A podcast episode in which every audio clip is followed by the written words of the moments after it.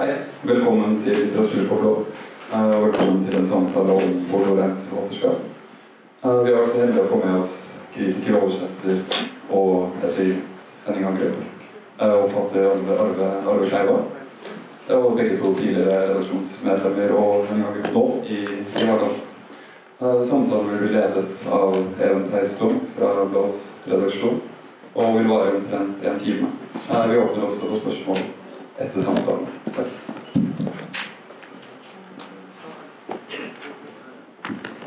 Hei.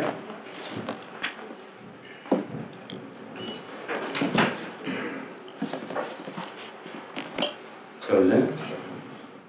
Mitt navn er Even. Jeg er kjempenervøs. Det innrømmer jeg med det første. Eh, Så er det avklart.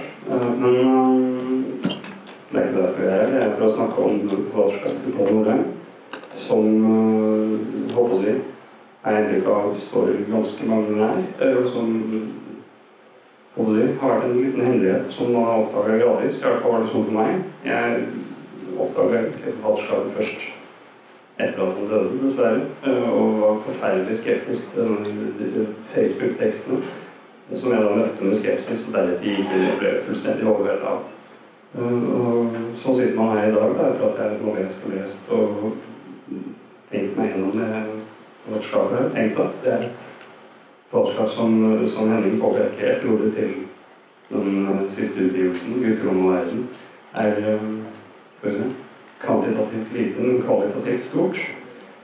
Um, og som jeg tenker er, eh, er veldig en samtale etter et dypdykk. Og vi prøver å liksom knekke litt hva det er, hva slags forfatterskap det er, for hva det handler hva det går i.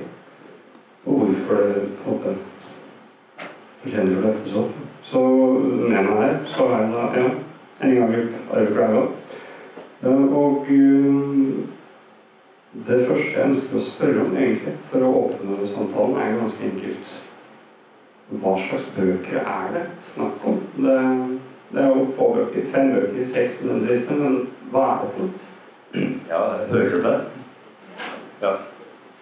Eh, Sigurd Tellengen har sagt at uh, Pål var en stor forfatter som skrev i det lille formatet. Og det stemmer. Eh, fordi de formatene han uttrykker seg mest gjennom, så å si utelukkende gjennom, det er fragmentet, fragmentet, aforismen, gjerne aforismen i utvidet uh, forstand, altså slik du finner den hos Schopenhauer, Nietzsche, Kierkegaard. I tillegg er det essayer. Og noen av aforistene er også små essays. Og jeg kan si at noen av essayene er utvidet aforisten. Jeg har også skrevet noe som blir kalt en roman, men uh, ja, det er hans debutbok. Gått litt sånn badets dagbok. Men han kalte det alltid en roman selv. Og gudene vet hva det er for et hybrid han har fått til det. Ja, Hva tenker du, Arve? Ja. Det er jo sånn Det er både enstonig og, og sammensatt forfatterskap. Uh, og til en kunne godt kalles uh, ja, dagboka. Det kan godt kalles fantastisk litteratur, siden så mye av den foregår i, uh, i drømme. Uh, men hvis Men det, hvis man leser verket sammenhengende, så er det ikke så forskjellig eh, fra oppdateringene. Eh, disse små fortellingene om verdens tilblivelse og utfoldelse, eller hva man skal kalle det. Tematisk og etisk så er det som fester seg sterkest hos meg, at uh, Paul skriver sidestillende. Han tar et eller annet byggverk og så tar han det fra hverandre, og så plasserer han bitene ved siden av hverandre. Han bygger ned et tårn. Uh, og jeg syns vel også at han Hvis målet, hvis det fins noen utopi hos Paul, så er det kanskje en lengsel etter at det skal være plass til alle. Og jeg syns at han arbeider Han anstrenger seg for det å gjøre plass til alle. Ja, for øh, med det så tenker jeg kanskje vi da rett som det er kan gå inn i denne debutboka Gottfried von Baders dagbok. Den er så tykk, bitte liten, 85 sider. Uh, den er uh, en, en, dagbok. Omtales som en roman i etterkant, men jeg er ikke sikker på om det stemmer. men og så er den skrevet på en form for gammelnorsk, som norsk anno 1910 omtrent. Altså, som gjør det til en ganske absurd leseopplevelse. Men kunne kanskje gått litt mer inn i altså, Hvordan kan en sånn bok oppstå? På, når han var vel 36 eh, da han debuterte, med en 85 sider lang bok skrevet på gammelnorsk. Det, hvordan, Men 98 år gammel mann. Ja, hvordan kan noe sånt skje? Ja, det er, det er jo ganske typisk på et eller annet vis. Det måtte jo være noe sånt han hang på. Og, men det er jo, von Bader er jo da ja, han er 98 år. Han kommer fra Wien opprinnelig. Så har han flyttet til Norge en gang for lenge siden. Så stadig han rundt i Norge sånn på 80-tallet og gjør seg sine refleksjoner. Og, og, de er ganske sære. Men når man ser på Arveveien på senere bøker, så er disse refleksjonene i stor grad typisk, veldig typisk nordheimske ja, og verdens ideer. altså Et av mine favorittsteder er da uh, som Bader snakker om. Uh, han sammenligner med at det er tidens melodi som spilles på disse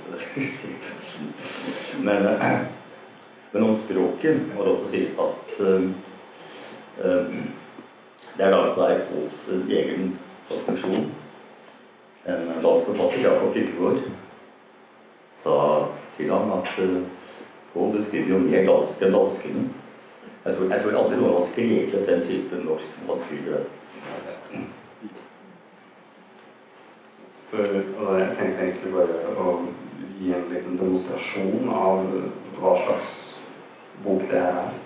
Så jeg kan jo ikke Jeg vet ikke hvordan jeg skal leses, men jeg kan gjøre et kort forsøk. Eh, fra en passasje helt tidlig i boka hvor det står at mitt sinn har i alle år vært i likevekt, noe jeg tror jeg kan takke min moder for. Dog har jeg en senere tid utviklet en sterk fobi mot trafikk. Når jeg beveger meg fra et sted til et annet, trykker jeg meg så tett opp til husveggene som mulig. Dermed utsetter jeg meg riktignok for andre farer, som at renne inn i en butikkdør idet den åpnes, eller snuble i en trapp.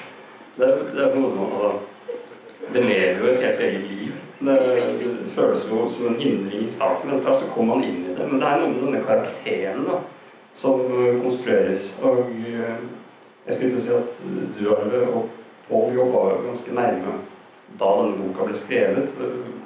Ja, det er lenge før uh, kanskje skrevet noen få formale tekster. Da bodde jeg og Pål i, uh, i samme gård i hver vår oppgang, uh, og møttes uh, nesten daglig i flere år. Uh, han snakket om på bader og uh, om andre sånne fiktive skikkelser. Kurt, som jeg har rappet noe fra.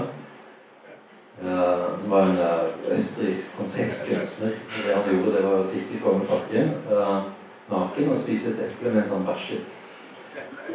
Pål hadde kunne være ganske syrlig. og han ble da arrestert og så videre. Jeg lurer på ikke Alf Andre Hagen også jobbet med denne skikken at dere holdt på noe med trykket Nei, ok. Nei.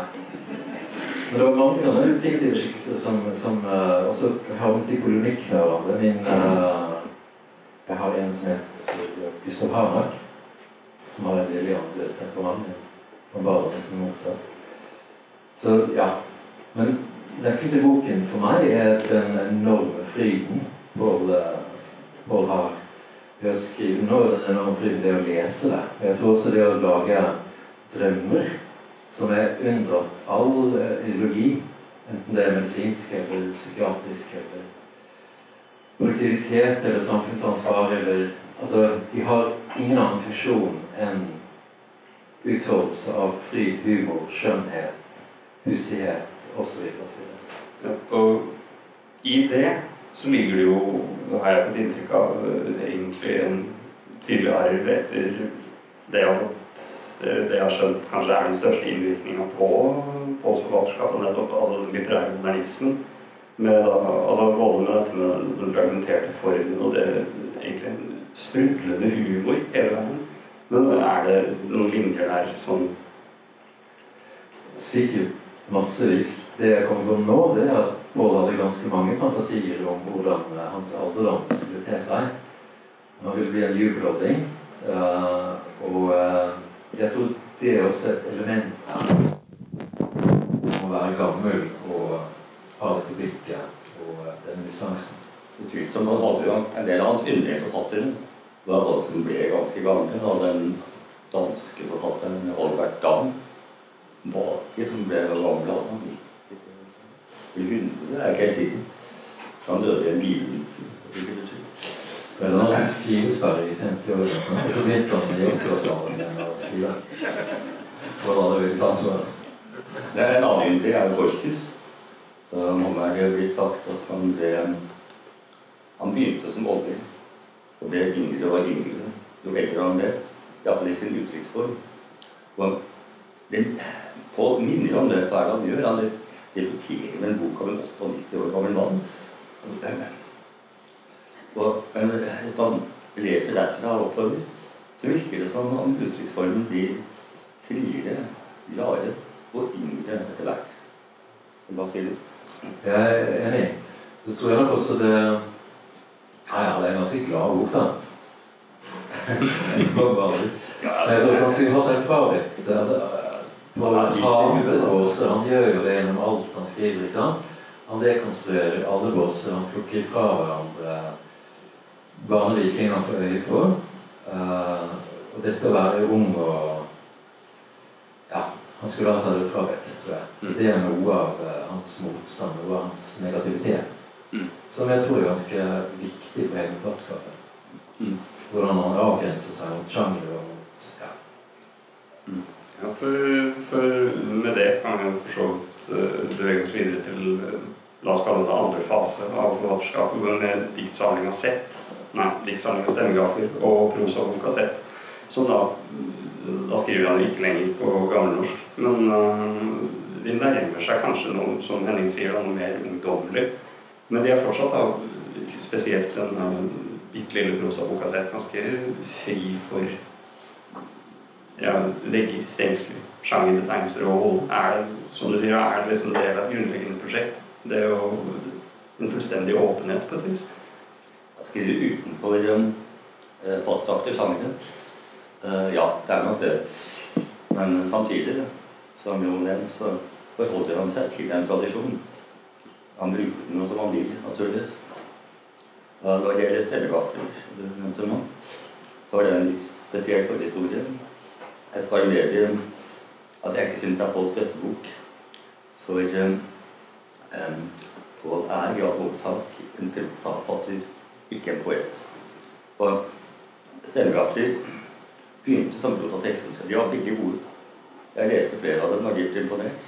Da en gang grunn ble det dikt av dem. Det er ikke dårlige dikt, men uh, jeg syns man kan si at jeg vil sammenligne med ja, en som sitter der, Tone Hødnebø. Det er helt nødvendige dikt. Kanskje det må være dikt, ikke annet. Eller Øyvind Berg. Men på dikt jeg trenger ikke å være det. Det kunne like gjerne vært prosa. Så der kom det kritikk. Jeg eh, tror det som hendte, og tenkte penger. Og så hadde han et bitte lite manus med, med prosadikt, eller, eller prosatekster. Og så delte han dem opp, sånn at han kunne få uh, skrapet sammen til en 56 siders bok. Eh, da kunne han søke om stipend, og så fikk han honorar for uh, innkjøpene til uh, Kulturfondet. Innkjøpsordning. Uh, og, jeg tror, og jeg vet at han har angret på det siden. Så når man lager hans samlede verker, så skulle jeg ønske at en eller annen autorisert leser gikk gjennom og, og laget uh, igjen av det. Jeg tror det, det vil være en veldig fin bok. det er en oppgave for dere. Men uh, først vil jeg si at sånn, man kan jo kanskje kritisere stemmegapet for å være altså, litt ja, halvhjerta, kanskje. Men samtidig så er det jo flere av ideene der, eller motivene der, som både dukker opp i Bader, og som dukker opp i Sett, og som dukker opp seinere. Noen sånne fraser som kommer igjen. og som som vi snakka om før vi begynte her, det er et motiv med stemmegafler. Altså, Diktsamlinga heter jo 'Stemmegafler'. Og så er det dikt hvor stemmegaffelen dukker opp i forbindelse med likhet, uten at det gis noen forklaring. Og også da i Bader så kommer det flere ganger stemmegaffelen i forbindelse med likhet og klang og resonans. Er det en sånn Du var inne på, på den, den gleden og forestillingsevnen. da. Så Ja, det hadde absolutt gehør. Uh, jeg syns nærmer seg noe sånt også litterært. Uh, både som leser og forfatter. Og uh, altså det er veldig fine prosalekser. De, de er veldig dårlig linjedelt, syns jeg.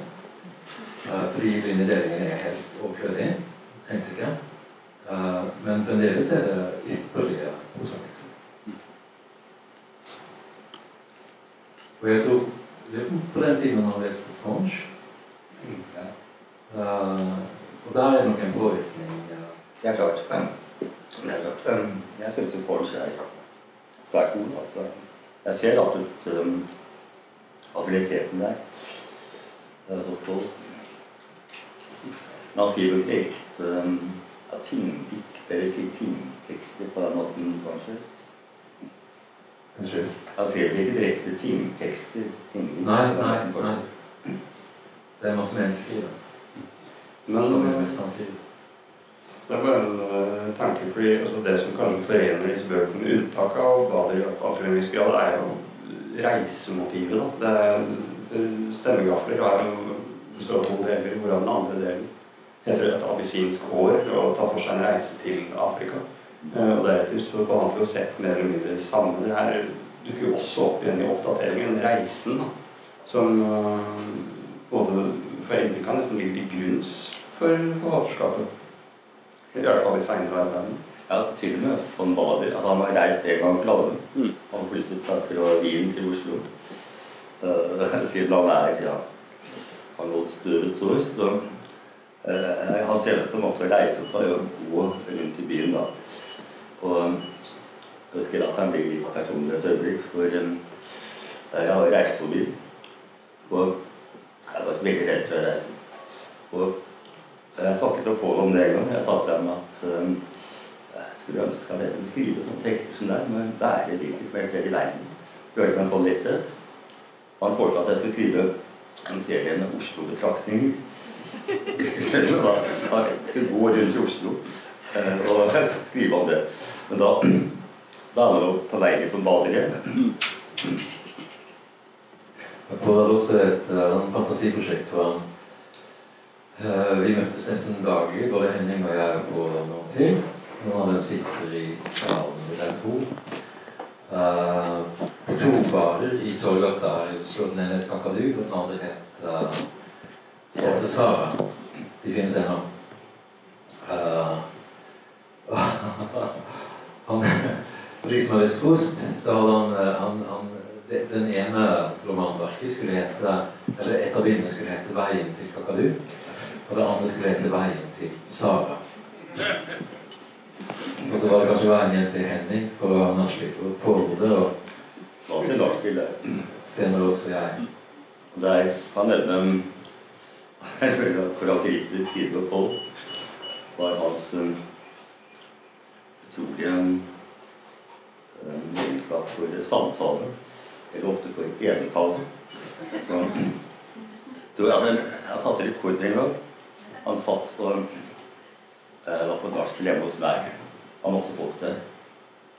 Så begynte han å snakke om et eller annet tema. Det var tysk filosofi eller amerikansk politikk, husker jeg nå. Han snakket, snakket og snakket.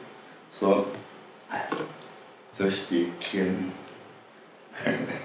broren min Simen og det altså.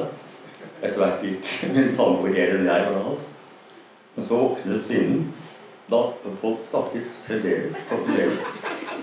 Og så sovnet sinnet. Da våknet Elin og jeg. Og og snakket og snakket og snakket. Jeg vet ikke hva noen sier at eller at vi forlot rommet med hele veldig Er det synlig i bøkene? Nei, altså det er litt motsatte formatet. Det Pål kunne gjøre, var på en måte å komme på noe, og så foredra et trykkklart essay muntlig. hvor han ikke hadde skrevet ned en stor uh, Hadde man hatt båndspiller, så ville forfatterskapet vært veldig mye større. Kunne bare transkribert det og, og satt, tror jeg. Men når det gjelder reisen som du var inne på Vi skravlet oss litt vekk fra det. uh,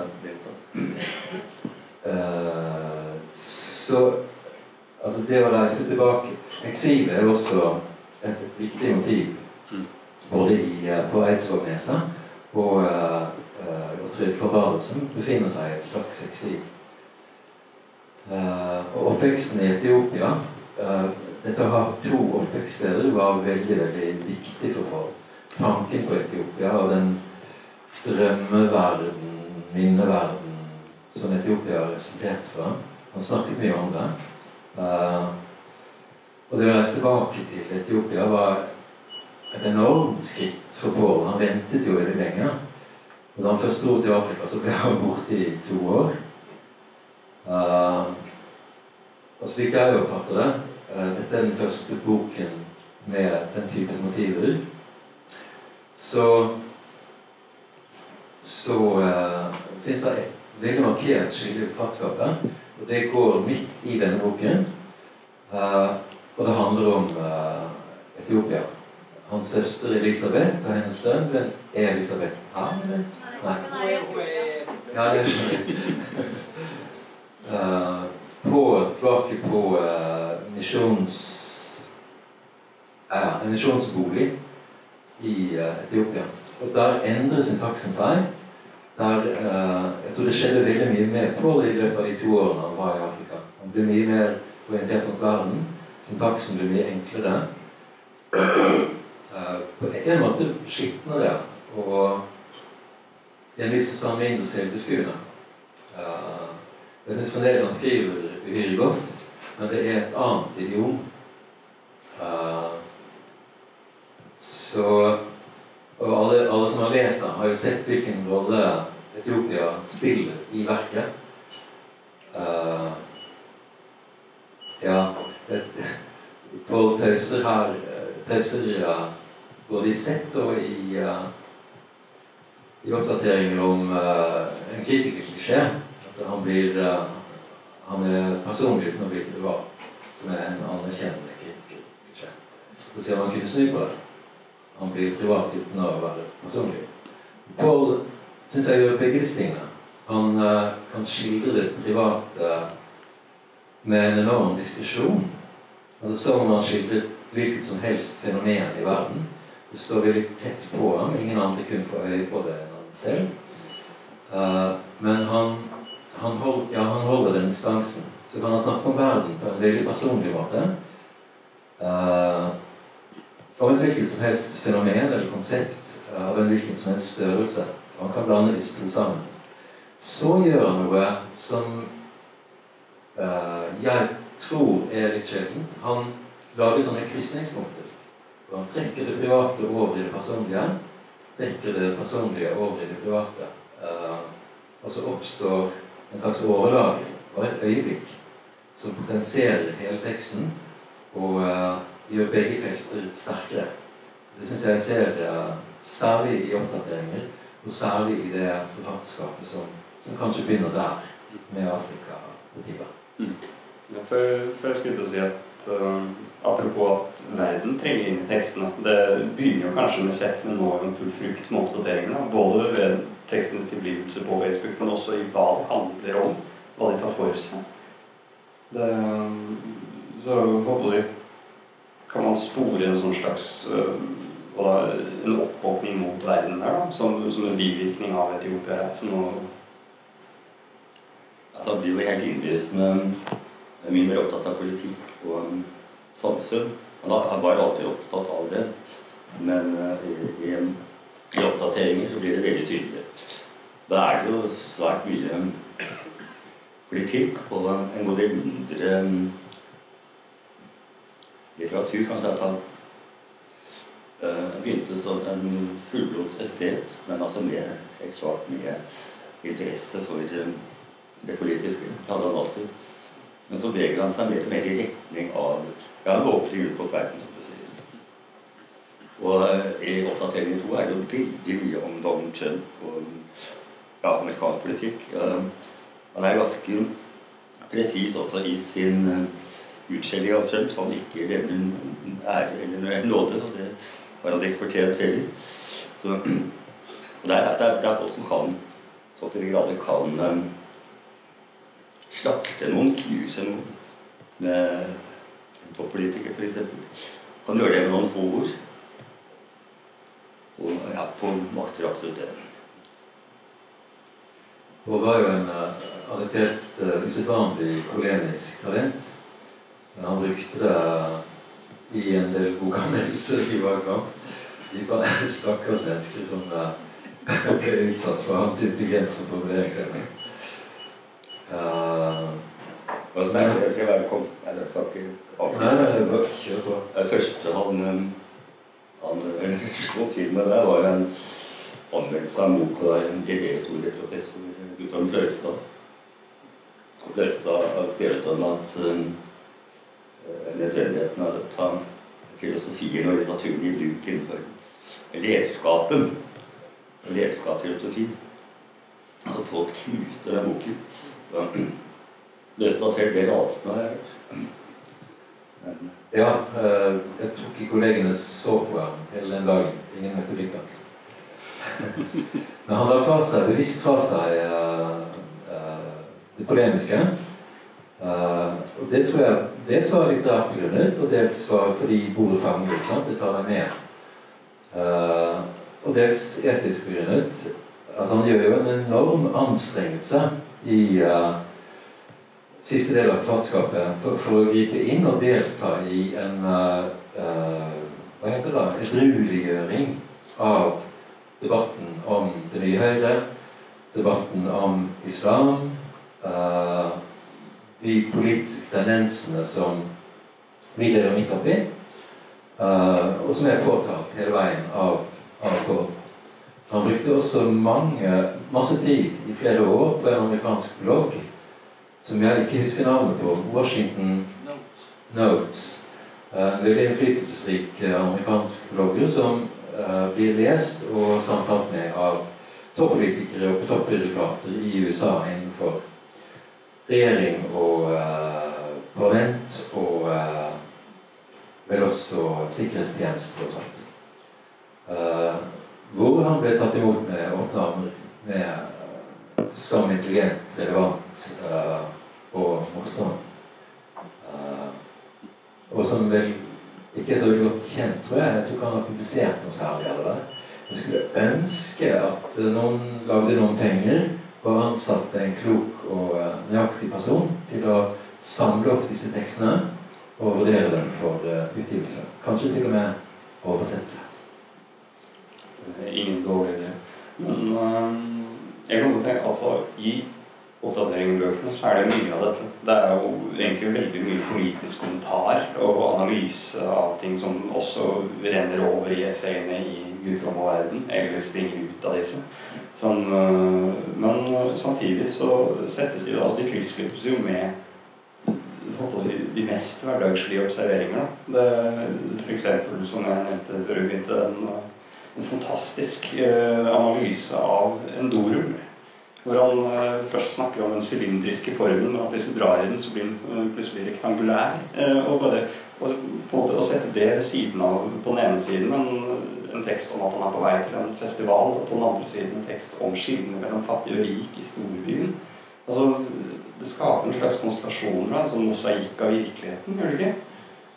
Jo, absolutt. Det, jeg syns jo det er den spennvidden, blant annet, som er ja, som ikke minst er imponerende ved oppdateringer. Du blir ganske overrasket til tider over hva han kan finne på. Um, nettopp at han kan stå ja, Han kan skildre en busstur altså ut til Eidsvågneset, der han bodde. Og bare snakke om de forskjellige holdeplassene. Plutselig er det utrolig interessant. Gudene vet hvorfor. Og så snakker han om um, amerikansk politikk. Så kommer han inn på Ernst eller Gottfried Benn eller den Robert lære av disse litterære innleggene han hadde. Så du blir, du blir, overrasket hele tiden. Jeg har lest bøkene en del ganger, og jeg blir like overrasket hver gang. Og da det frem og tilbake på en helt suveren måte.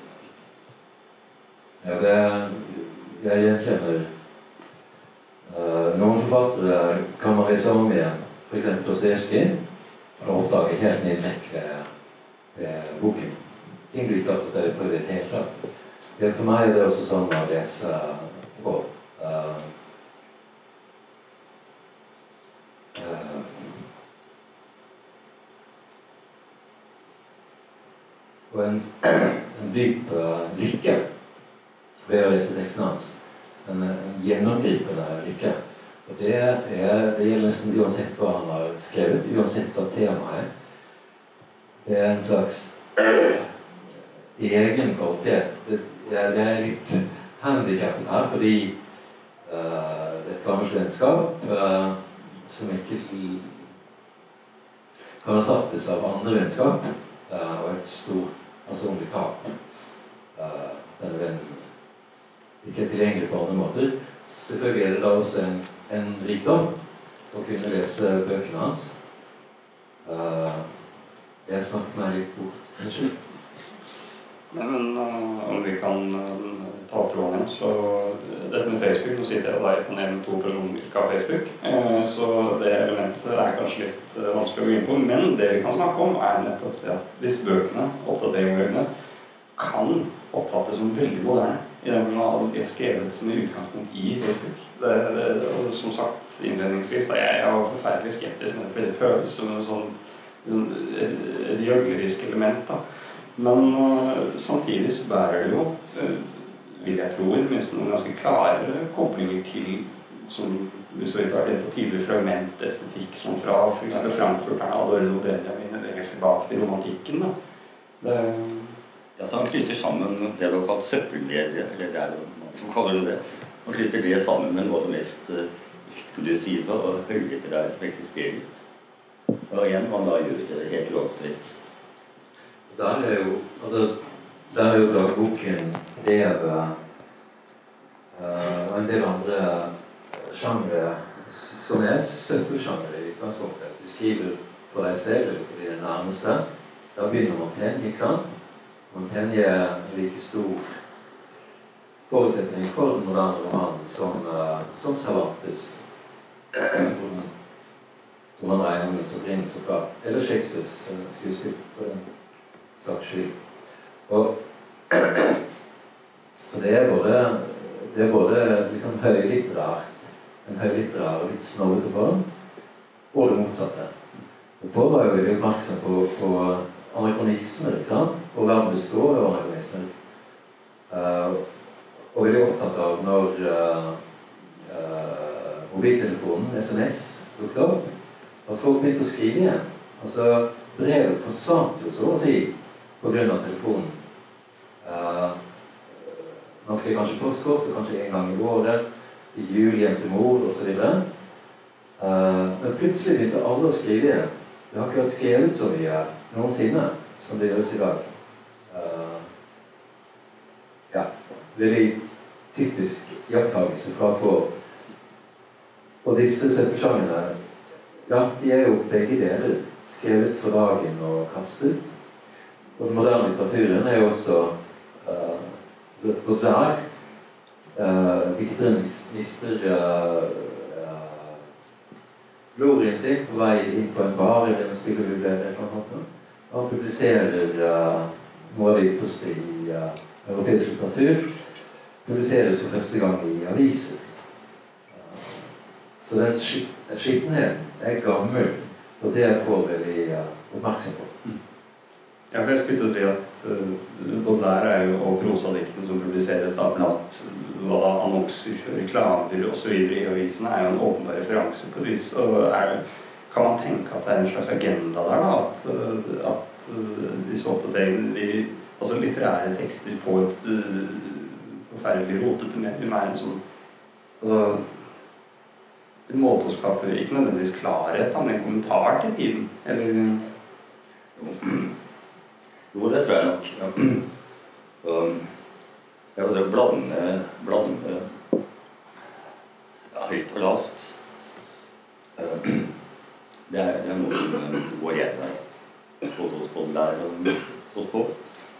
Og eh, kan også si jeg skulle jeg nevnt i stad da vi snakket om Bakrit om Bali eh, at en eh, klar inspirasjonskilde for den boken der, som vel er med på hele veien, er er Rambo, som også har en Etiopia-tilknytning, og som i likhet med von Bader ser eh, bokstaver som farger.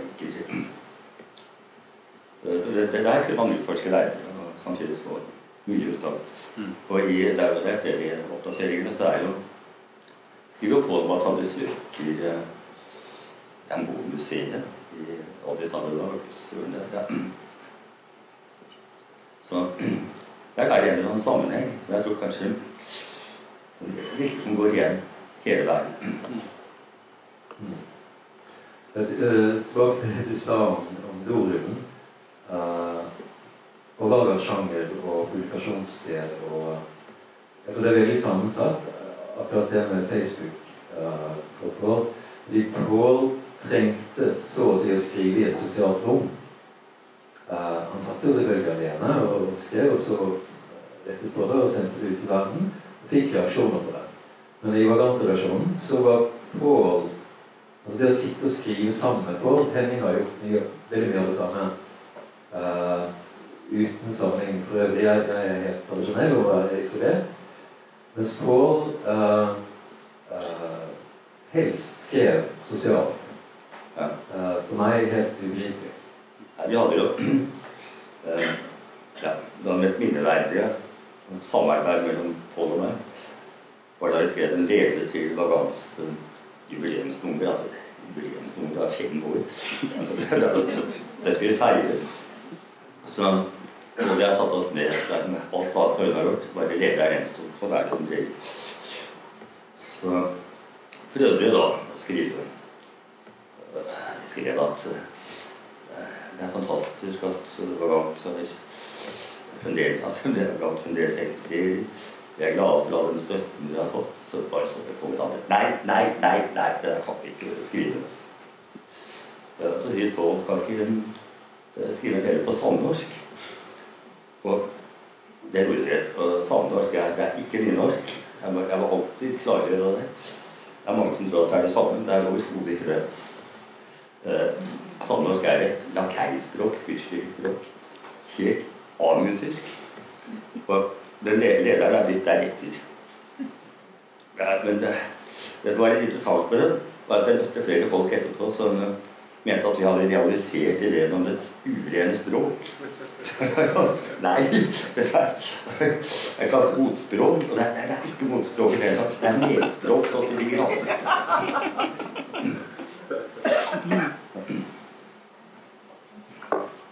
Det du nevnte om uh, dorullen, som jeg tror er ganske viktig Jeg, jeg tror dorullen er veldig viktig.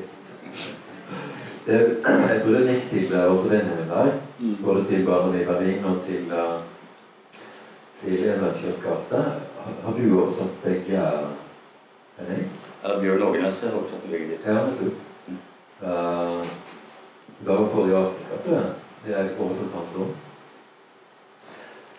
Pluss at det er, er det, som han viser at, at han skaper seg et rom ved å være så suveren at han kan uh, Var det til meg eller til Henning? Det er som delvis. Ja, meg.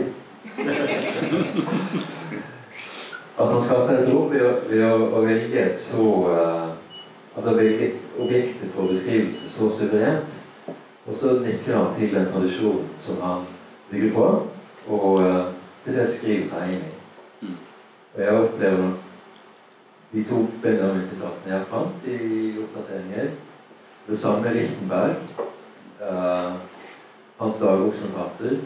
Som en sånn innskriving av hvordan, en slags nøkler til hvordan dette skal leses. Mm. Samtidig som han da gjør noe nytt. At han er veldig til stede her og nå. Det samme, det samme kan jo også sies både om Lichtenberg uh, og om, eh, om eh, Benjamin. Lense. Altså, Når det Lichtenberg, så var hun og spesielt glad i en, i en helt lovløs aforisme. Hvor Lichtenberg sier eh, hvis en ape kikker inn i et speil, kan vi ikke regne med at, at det er geni tilbake. Ja, noe sånt. Ja, det er folk stor sans for. Men uh, det er interessant med Benjamin, fordi da jeg først leste de to oppdateringsbøkene, så ble jeg veldig var på mengden av Benjamin-referanser. egentlig. Én ting er disse to sitatene som er klippa rett inn, men på den annen side så er det også tankegods som parafraseres, og en henvisning til at han skal tilbringe sommeren og lese passasjeverket ute i hagen, som jeg syns er fantastisk. Uh, men uh, men øh, håper vi for frankfurterne, altså Benjamin og og gjengen, så, så er jo nettopp fragmentformen et poeng. Den korte, konsentrerte formen som øh, hos Benjamin munner ut i dette tankebildet, og som er en sånn slags et forsøk på å bryte opp en tidskontinuitet, eller liksom sprenge tidens homogene kontinuum, som han så fint sier. Og du nevnte jo i meglingsvekslingen vår at Minima Moralia også var en av hans favorittbøker. Så finnes det en sånn på en måte Kall det en agenda? da, altså, En sånn tanke om at hans egne fragmenter kan inneha noe av den samme Ja, altså, det var jo Henning som nevnte Minima Moralia. Ja. Tror jeg. Det kunne vært meg. Det var Pål som lærte meg å lese både Benjamin og Donna. Uh, jeg tror som en type praksis. Altså, man kunne tenkt seg at man ville opp på samme pidestall, ikke sant? Uh, det det vel alle forfattere. Skriver noe helt utrolig, som alltid blir lest. Men uh, jeg tror først og fremst det er en type praksis, og at uh, den er dypt etisk fundert. Som begge disse forfatterne jo er. Veldig tydelig i, i uh, i bøkene. Og det er også interessant å få at nå blir det litt sånn altså, assosiativt uh, ja, oppe her, her. Men um, Pål igjen hadde en veldig spennvidde. For på den ene siden var han svært opptatt av Benjamin Adorno, som jo har en marxistisk forankring. På den andre side så elsket han sånne tvilsomme figurer som Ernst Jünger. Så, altså Gottfried Bell han er god, men Ernst Jünger var en stor favoritt. Han er alt annet enn marxist. Og dette her tar altså, på alt dette like uansett opp i sitt eget tankegods. For, for, jeg skulle si, altså jeg har mens jeg har lest, tenkt at det også kan knyttes til reisen. Da. Altså den, for, som du var inne på tidligere, at uh, det å ha to oppvekststeder skaper sånn altså Jeg ser det som, ser det som en skisma. Da, jeg ser et skille som skaper en sånn slags kontinuerlig trang til å være det andre stedet. At kanskje også det smitter over på tanken. Da. At, uh, at det dermed altså på, ble jo kjent på Facebook nettopp for å være en sånn en slags sindighetens stemme, da, et polemisk talent, åpenbart, men samtidig opptatt av nettopp det å vurdere saksforholdene for seg, og liksom lese samtidig opp på det stoffet først. da. Og at ja, på en måte tanken er smitta av det samme, at enhver tanke skal behandles med en viss grad av gyldighet. da. Ja, det er, det er veldig Pål. Uh, han, han, gjør jo et han, han setter seg inn i ting. Han leser og tenker enormt mye. Litteratur som er han ganske fremmed. Fascistoid, reaksjonær, paranoid. Uh, og, bestemmer seg for å, å, skjønne hva disse menneskene mener. Uh, mener de alle det samme? Uh, la det seg forstå. Altså, han tar disse forfatterne på alvor og avviser dem kontant. Uh, der han mener det ikke holder, men holder også fast på de kvalitetene som, som disse forfatterne da måtte ha. Det er på en måte uh, Jeg tror det har med bakgrunn og oppvåkning og altså Jeg ser misjonærsønnen veldig tydelig når jeg leser Pauls arbeid. Uh, Tenk på det etiske der? Ja, på det etiske, men også på, på det å tjene. Altså, han de fleste som gjør den typen arbeid, får jo lønn for det. Eh, hvis de gjør sånn som får, så får du et eller annet figleholdere og en viss lønnhaug, ikke sant? Eh, Jeg kjenner ikke Jeg er ikke på Facebook, men jeg vet at det også var ganske anstrengende å føre disse debattene med folk som ikke hadde samme etos i sin kunnskapstilegning og, og, og argumentasjon. Så selvfølgelig det er også litterære ambisjoner, men det er en enorm disiplin i, i CNA-scenen hans, hvor hensynet til saksforholdet, saksforholdets klarhet og kompleksitet, uh, styrer teksten så hardt at du nesten glemmer at dette er en uhyre kompetent uh, forfatter som kanskje primært elsker språk, syntaks osv. Bare se hvordan han behersker syntaks og, og, og, og uh, parataks, altså sidestilling. I hvilken grad altså, ordklassene har samme verdi og tyngde i setningen i noen av de tidlige tekstene. Særlig den som, er, som heter 'Sett'. Et stykke, ti stykker eller noe i den stilen. Små refleksjoner. Veldig, veldig morsomme. Utrolig vakre. Uh, jeg kjenner meg ganske sikker på at ikke det er skrevet noe bedre enn det på norsk. Og jeg mener at uh, bare det ene stykket uh, gjør forfatteren verdt å huske i norsk litteraturhistorie. Og så legger han det fra seg for å gjøre politisk arbeid, et samfunnsarbeid. For jeg skulle til å spørre denne hyllesten til boka, mener du det estetisk eller etisk? Eller begge deler? Jeg vet ikke om det er noen særlig forskjell der. Uh, veldig mye av oppdateringen to som jeg syns er mye bedre enn oppdateringen én. Uh, og kanskje det beste han har skrevet, uh, selv om det liksom, man kan peke på glitrende ting i von Barder og i Sett osv., men som, som verk Eh, Paradoksalt nok, siden den ikke har begynnelse og slutt, annet enn rent grafisk, og dateringer, så syns jeg kanskje dette er hans største verk. Og det påvirker også alt som er skrevet før. Hvor var det jeg var? Jeg snakket bort i en uh, digresjon. Uh, etikk eller estetikk i uh... Ja. Uh, en av de tingene Denne boken handler overraskende mye om tomhet, syns jeg. Og jeg syns det Pål gjør, er å erkjenne, akseptere tomheten Uh, under stor motstand, selvfølgelig. Det er ikke noe, det er ikke noe grei størrelse å hanskes med. Og så bygger han noe inni der.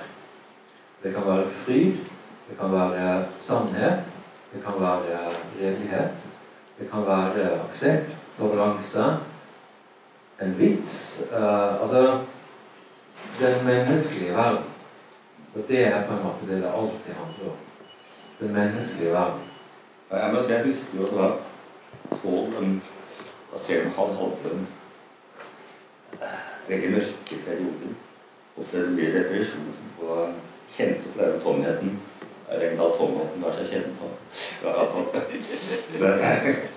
Samtidig husker jeg på grunnleggende sett men menneskene menneske hadde et ganske lyst syn på livet. Han var vært nysgjerrig menneske. Han var veldig glad i andre mennesker. Og og ja, han uh, hadde en fantastisk sans for humor. Så alt dette her er en ja, Da sitter isteden stående igjen som bidrar på for min del. Uh, det er klart han hadde det veldig tungt i perioder. Og det er oppdateringer, rett og slett to her det henter han om en eller annen personlig krise som drev ut på den Afrikareisen. Den var reell nok. Husker det.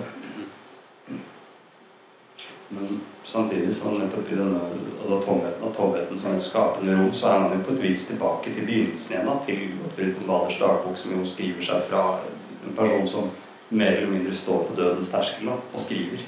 Så da har man jo altså På et vis er det 20 års forfatterskap som innkastes i én bevegelse. Det, han er jo interessert i alderdom gjennom forfatterskapet. eh, og aldring er et, et tilbakevendende tema. Og det er uh, flere sider av det, det er ofte frydefullt. Altså, Bård er også veldig glad i paradokser. Uh, men uh, uh, ja. Ja, altså, så tenkte jeg bare på denne altså, Vi begynner vel å nærme oss en slutt etter hvert. Men det jeg tenkte på, var Det er Altså, en gjennomgående ting er på en måte en drøfting, en refleksjon over samtiden og mer spesifikt tiden. For er, jeg tror det er oppdatering i én at han har en sånn veldig kort tekst om den såkalte agurktiden. At, at, det ikke kun er om sommeren, men at det er en epoke fra etterkrigstiden og med uoverskuelig ende. Og jeg opplever det på et vis altså, hvis man får være, hvis man måtte dra de litteraturvitenskapelige trådene litt for aktivt, så oppleves flere av tekstene, spesielt oppdateringer to, som en sånn slags forsøk å innkapsle denne tiden. Da. Sånn som det er, det er en tekst uh, fra 3.7.2016 uh, hvor, uh, hvor, han sitter på en buss, og så kjører han ned mot Åsane fra Eidsvollnes. og så ser han på de forskjellige stoppene og begynner å reflektere, og så kommer det en refleksjon om modernitetens tid, om hvordan den stykker opp virkeligheten, og at jeg opplever på en måte disse oppdateringene som et forsøk å bryte med det. da, I tråd med frankfurterne og deres forståelse av tiden. Da, at det er sånn, en, måte, en sånn slags snubletråder som legges ut. da. Ja, virkelig. Han hadde øh, Alle tekstene hans, sånn som jeg leser dem, er jo inngrep i verden.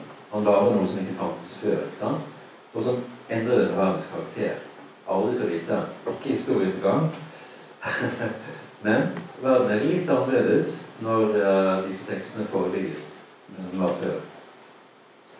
Og, og, det er jo nettopp å, å, å sprenge uh, disse, disse, skjemaene av den moderne tiden som bare handler om produktivitet og kapitalakkumulering, uh, til helvete. Jeg tror også det ligger en ganske kraftig aggresjon. forgitt, dempet, men uh, under Særlig de sidene ved, ved verket. Og kanskje nevne, siden vi har vært på ja, en god del på det politiske der, at uh, Pål definerte seg som liberal. Og det er ganske viktig for ham og jeg klarer taler om det. kanskje det Vi hadde ikke noen grunn til det heller, men eh, jeg befinner meg ganske langt ute på venstresiden. Der vil ikke. Har heller ikke vært lagt ut på høyresiden. Altså slett ikke aller minst. Men jeg har vært verken venstre eller høyre. Og hans nærmeste allierte var lærer Helge Høybråten. Jeg vet ikke om han er. Ja.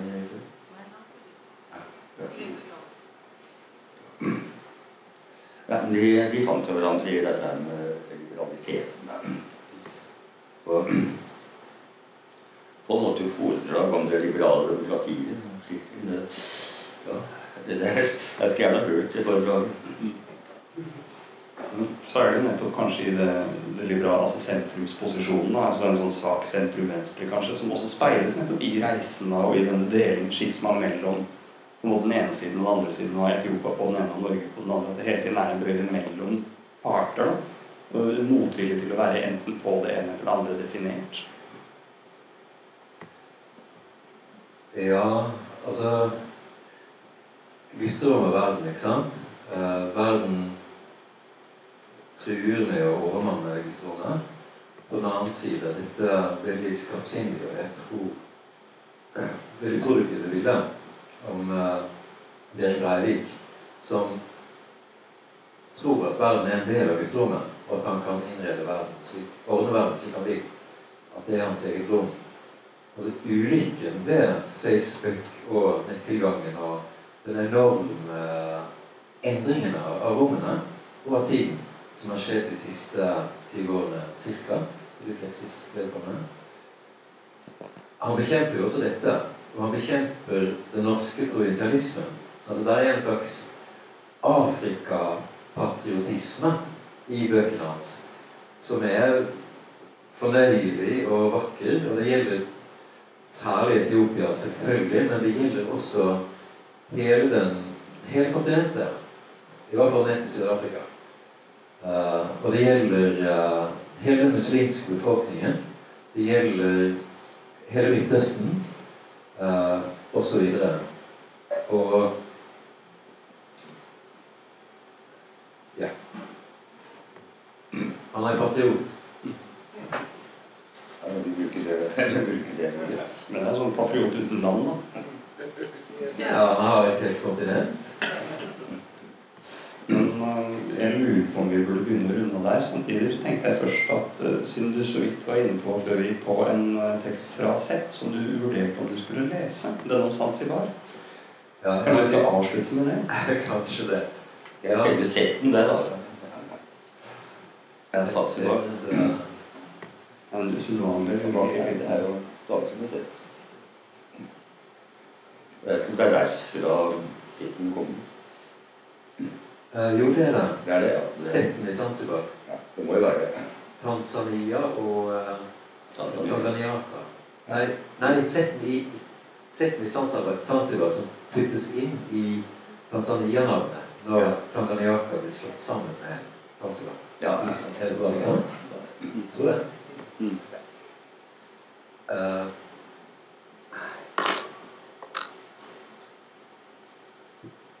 jeg har ikke øvd å lese, jeg har i prinsippet aldri. Men jeg gjør noen takk i dag.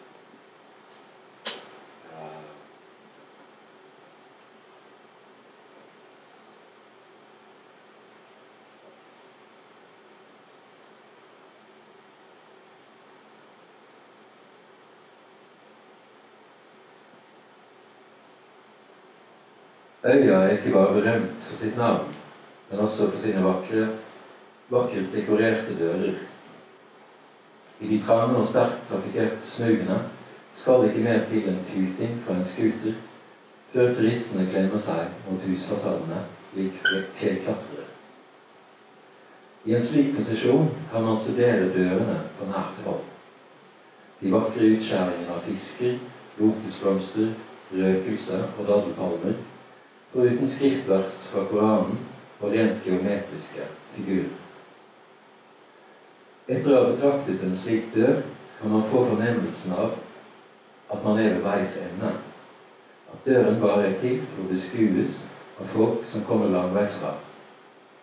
At det ikke finnes noe bakenfor den, og at man kan vende hjem igjen. Fabelaktig. Med det så lurer jeg på om vi enn så lenge sier eh, takk. Vi rekker noen spørsmål, om det skulle være sånn. Det er bare å si.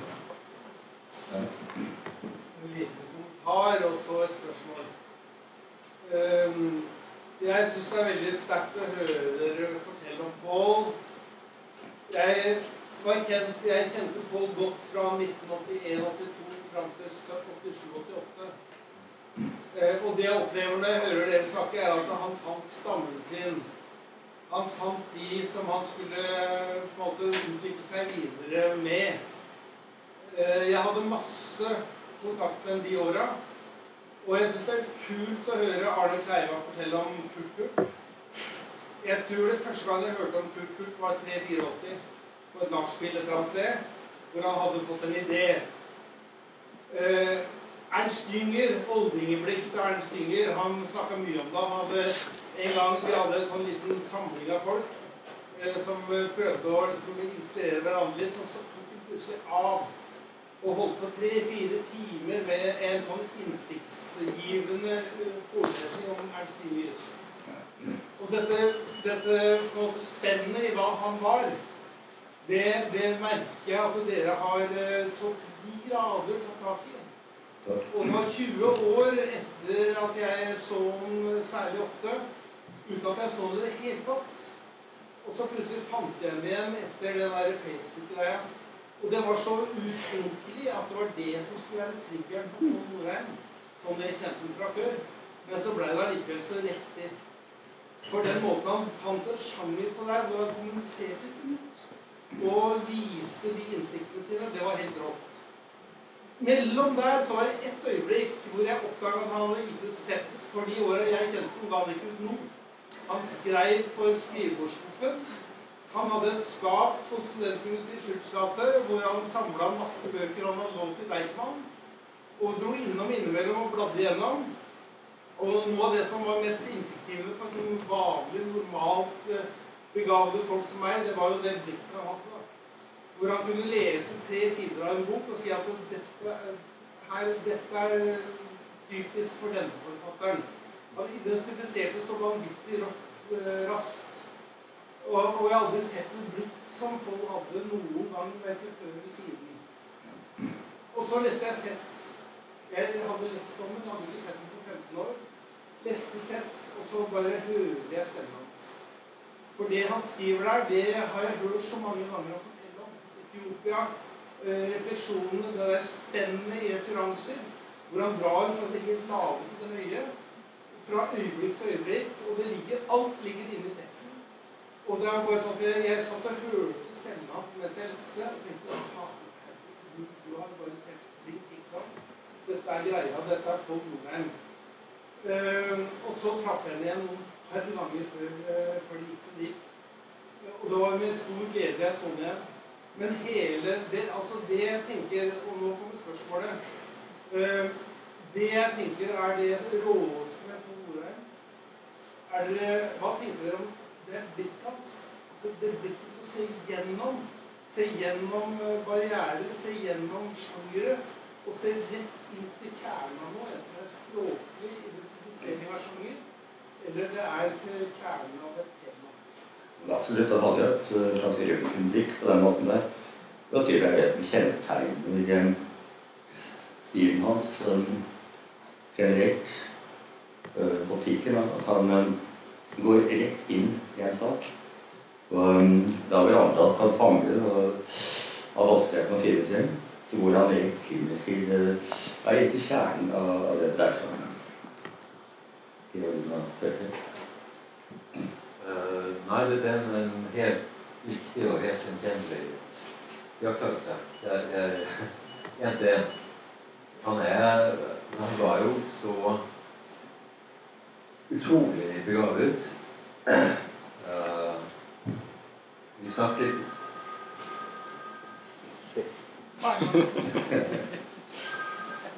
Sorry. La de være blanda. Vi snakket litt eh, før seansen om at kunne vært profesjonell musiker. Han kunne vært komponist. Han kunne vært professor i flere fag. Eh, han kunne vært politisk rådgiver eller strateg. Han kunne vært eh, Han var forfatter. Men han kunne også skrevet og solgt bøker på på en litt annen måte enn det han gjorde, med mer økonomi i. Eh, men han jobbet som nattevakt, forlagskonsulent. Jeg tror fordi det ga ham friheten til å, å eh, skrive disse greiene her. Eh, jeg er veldig takknemlig for det.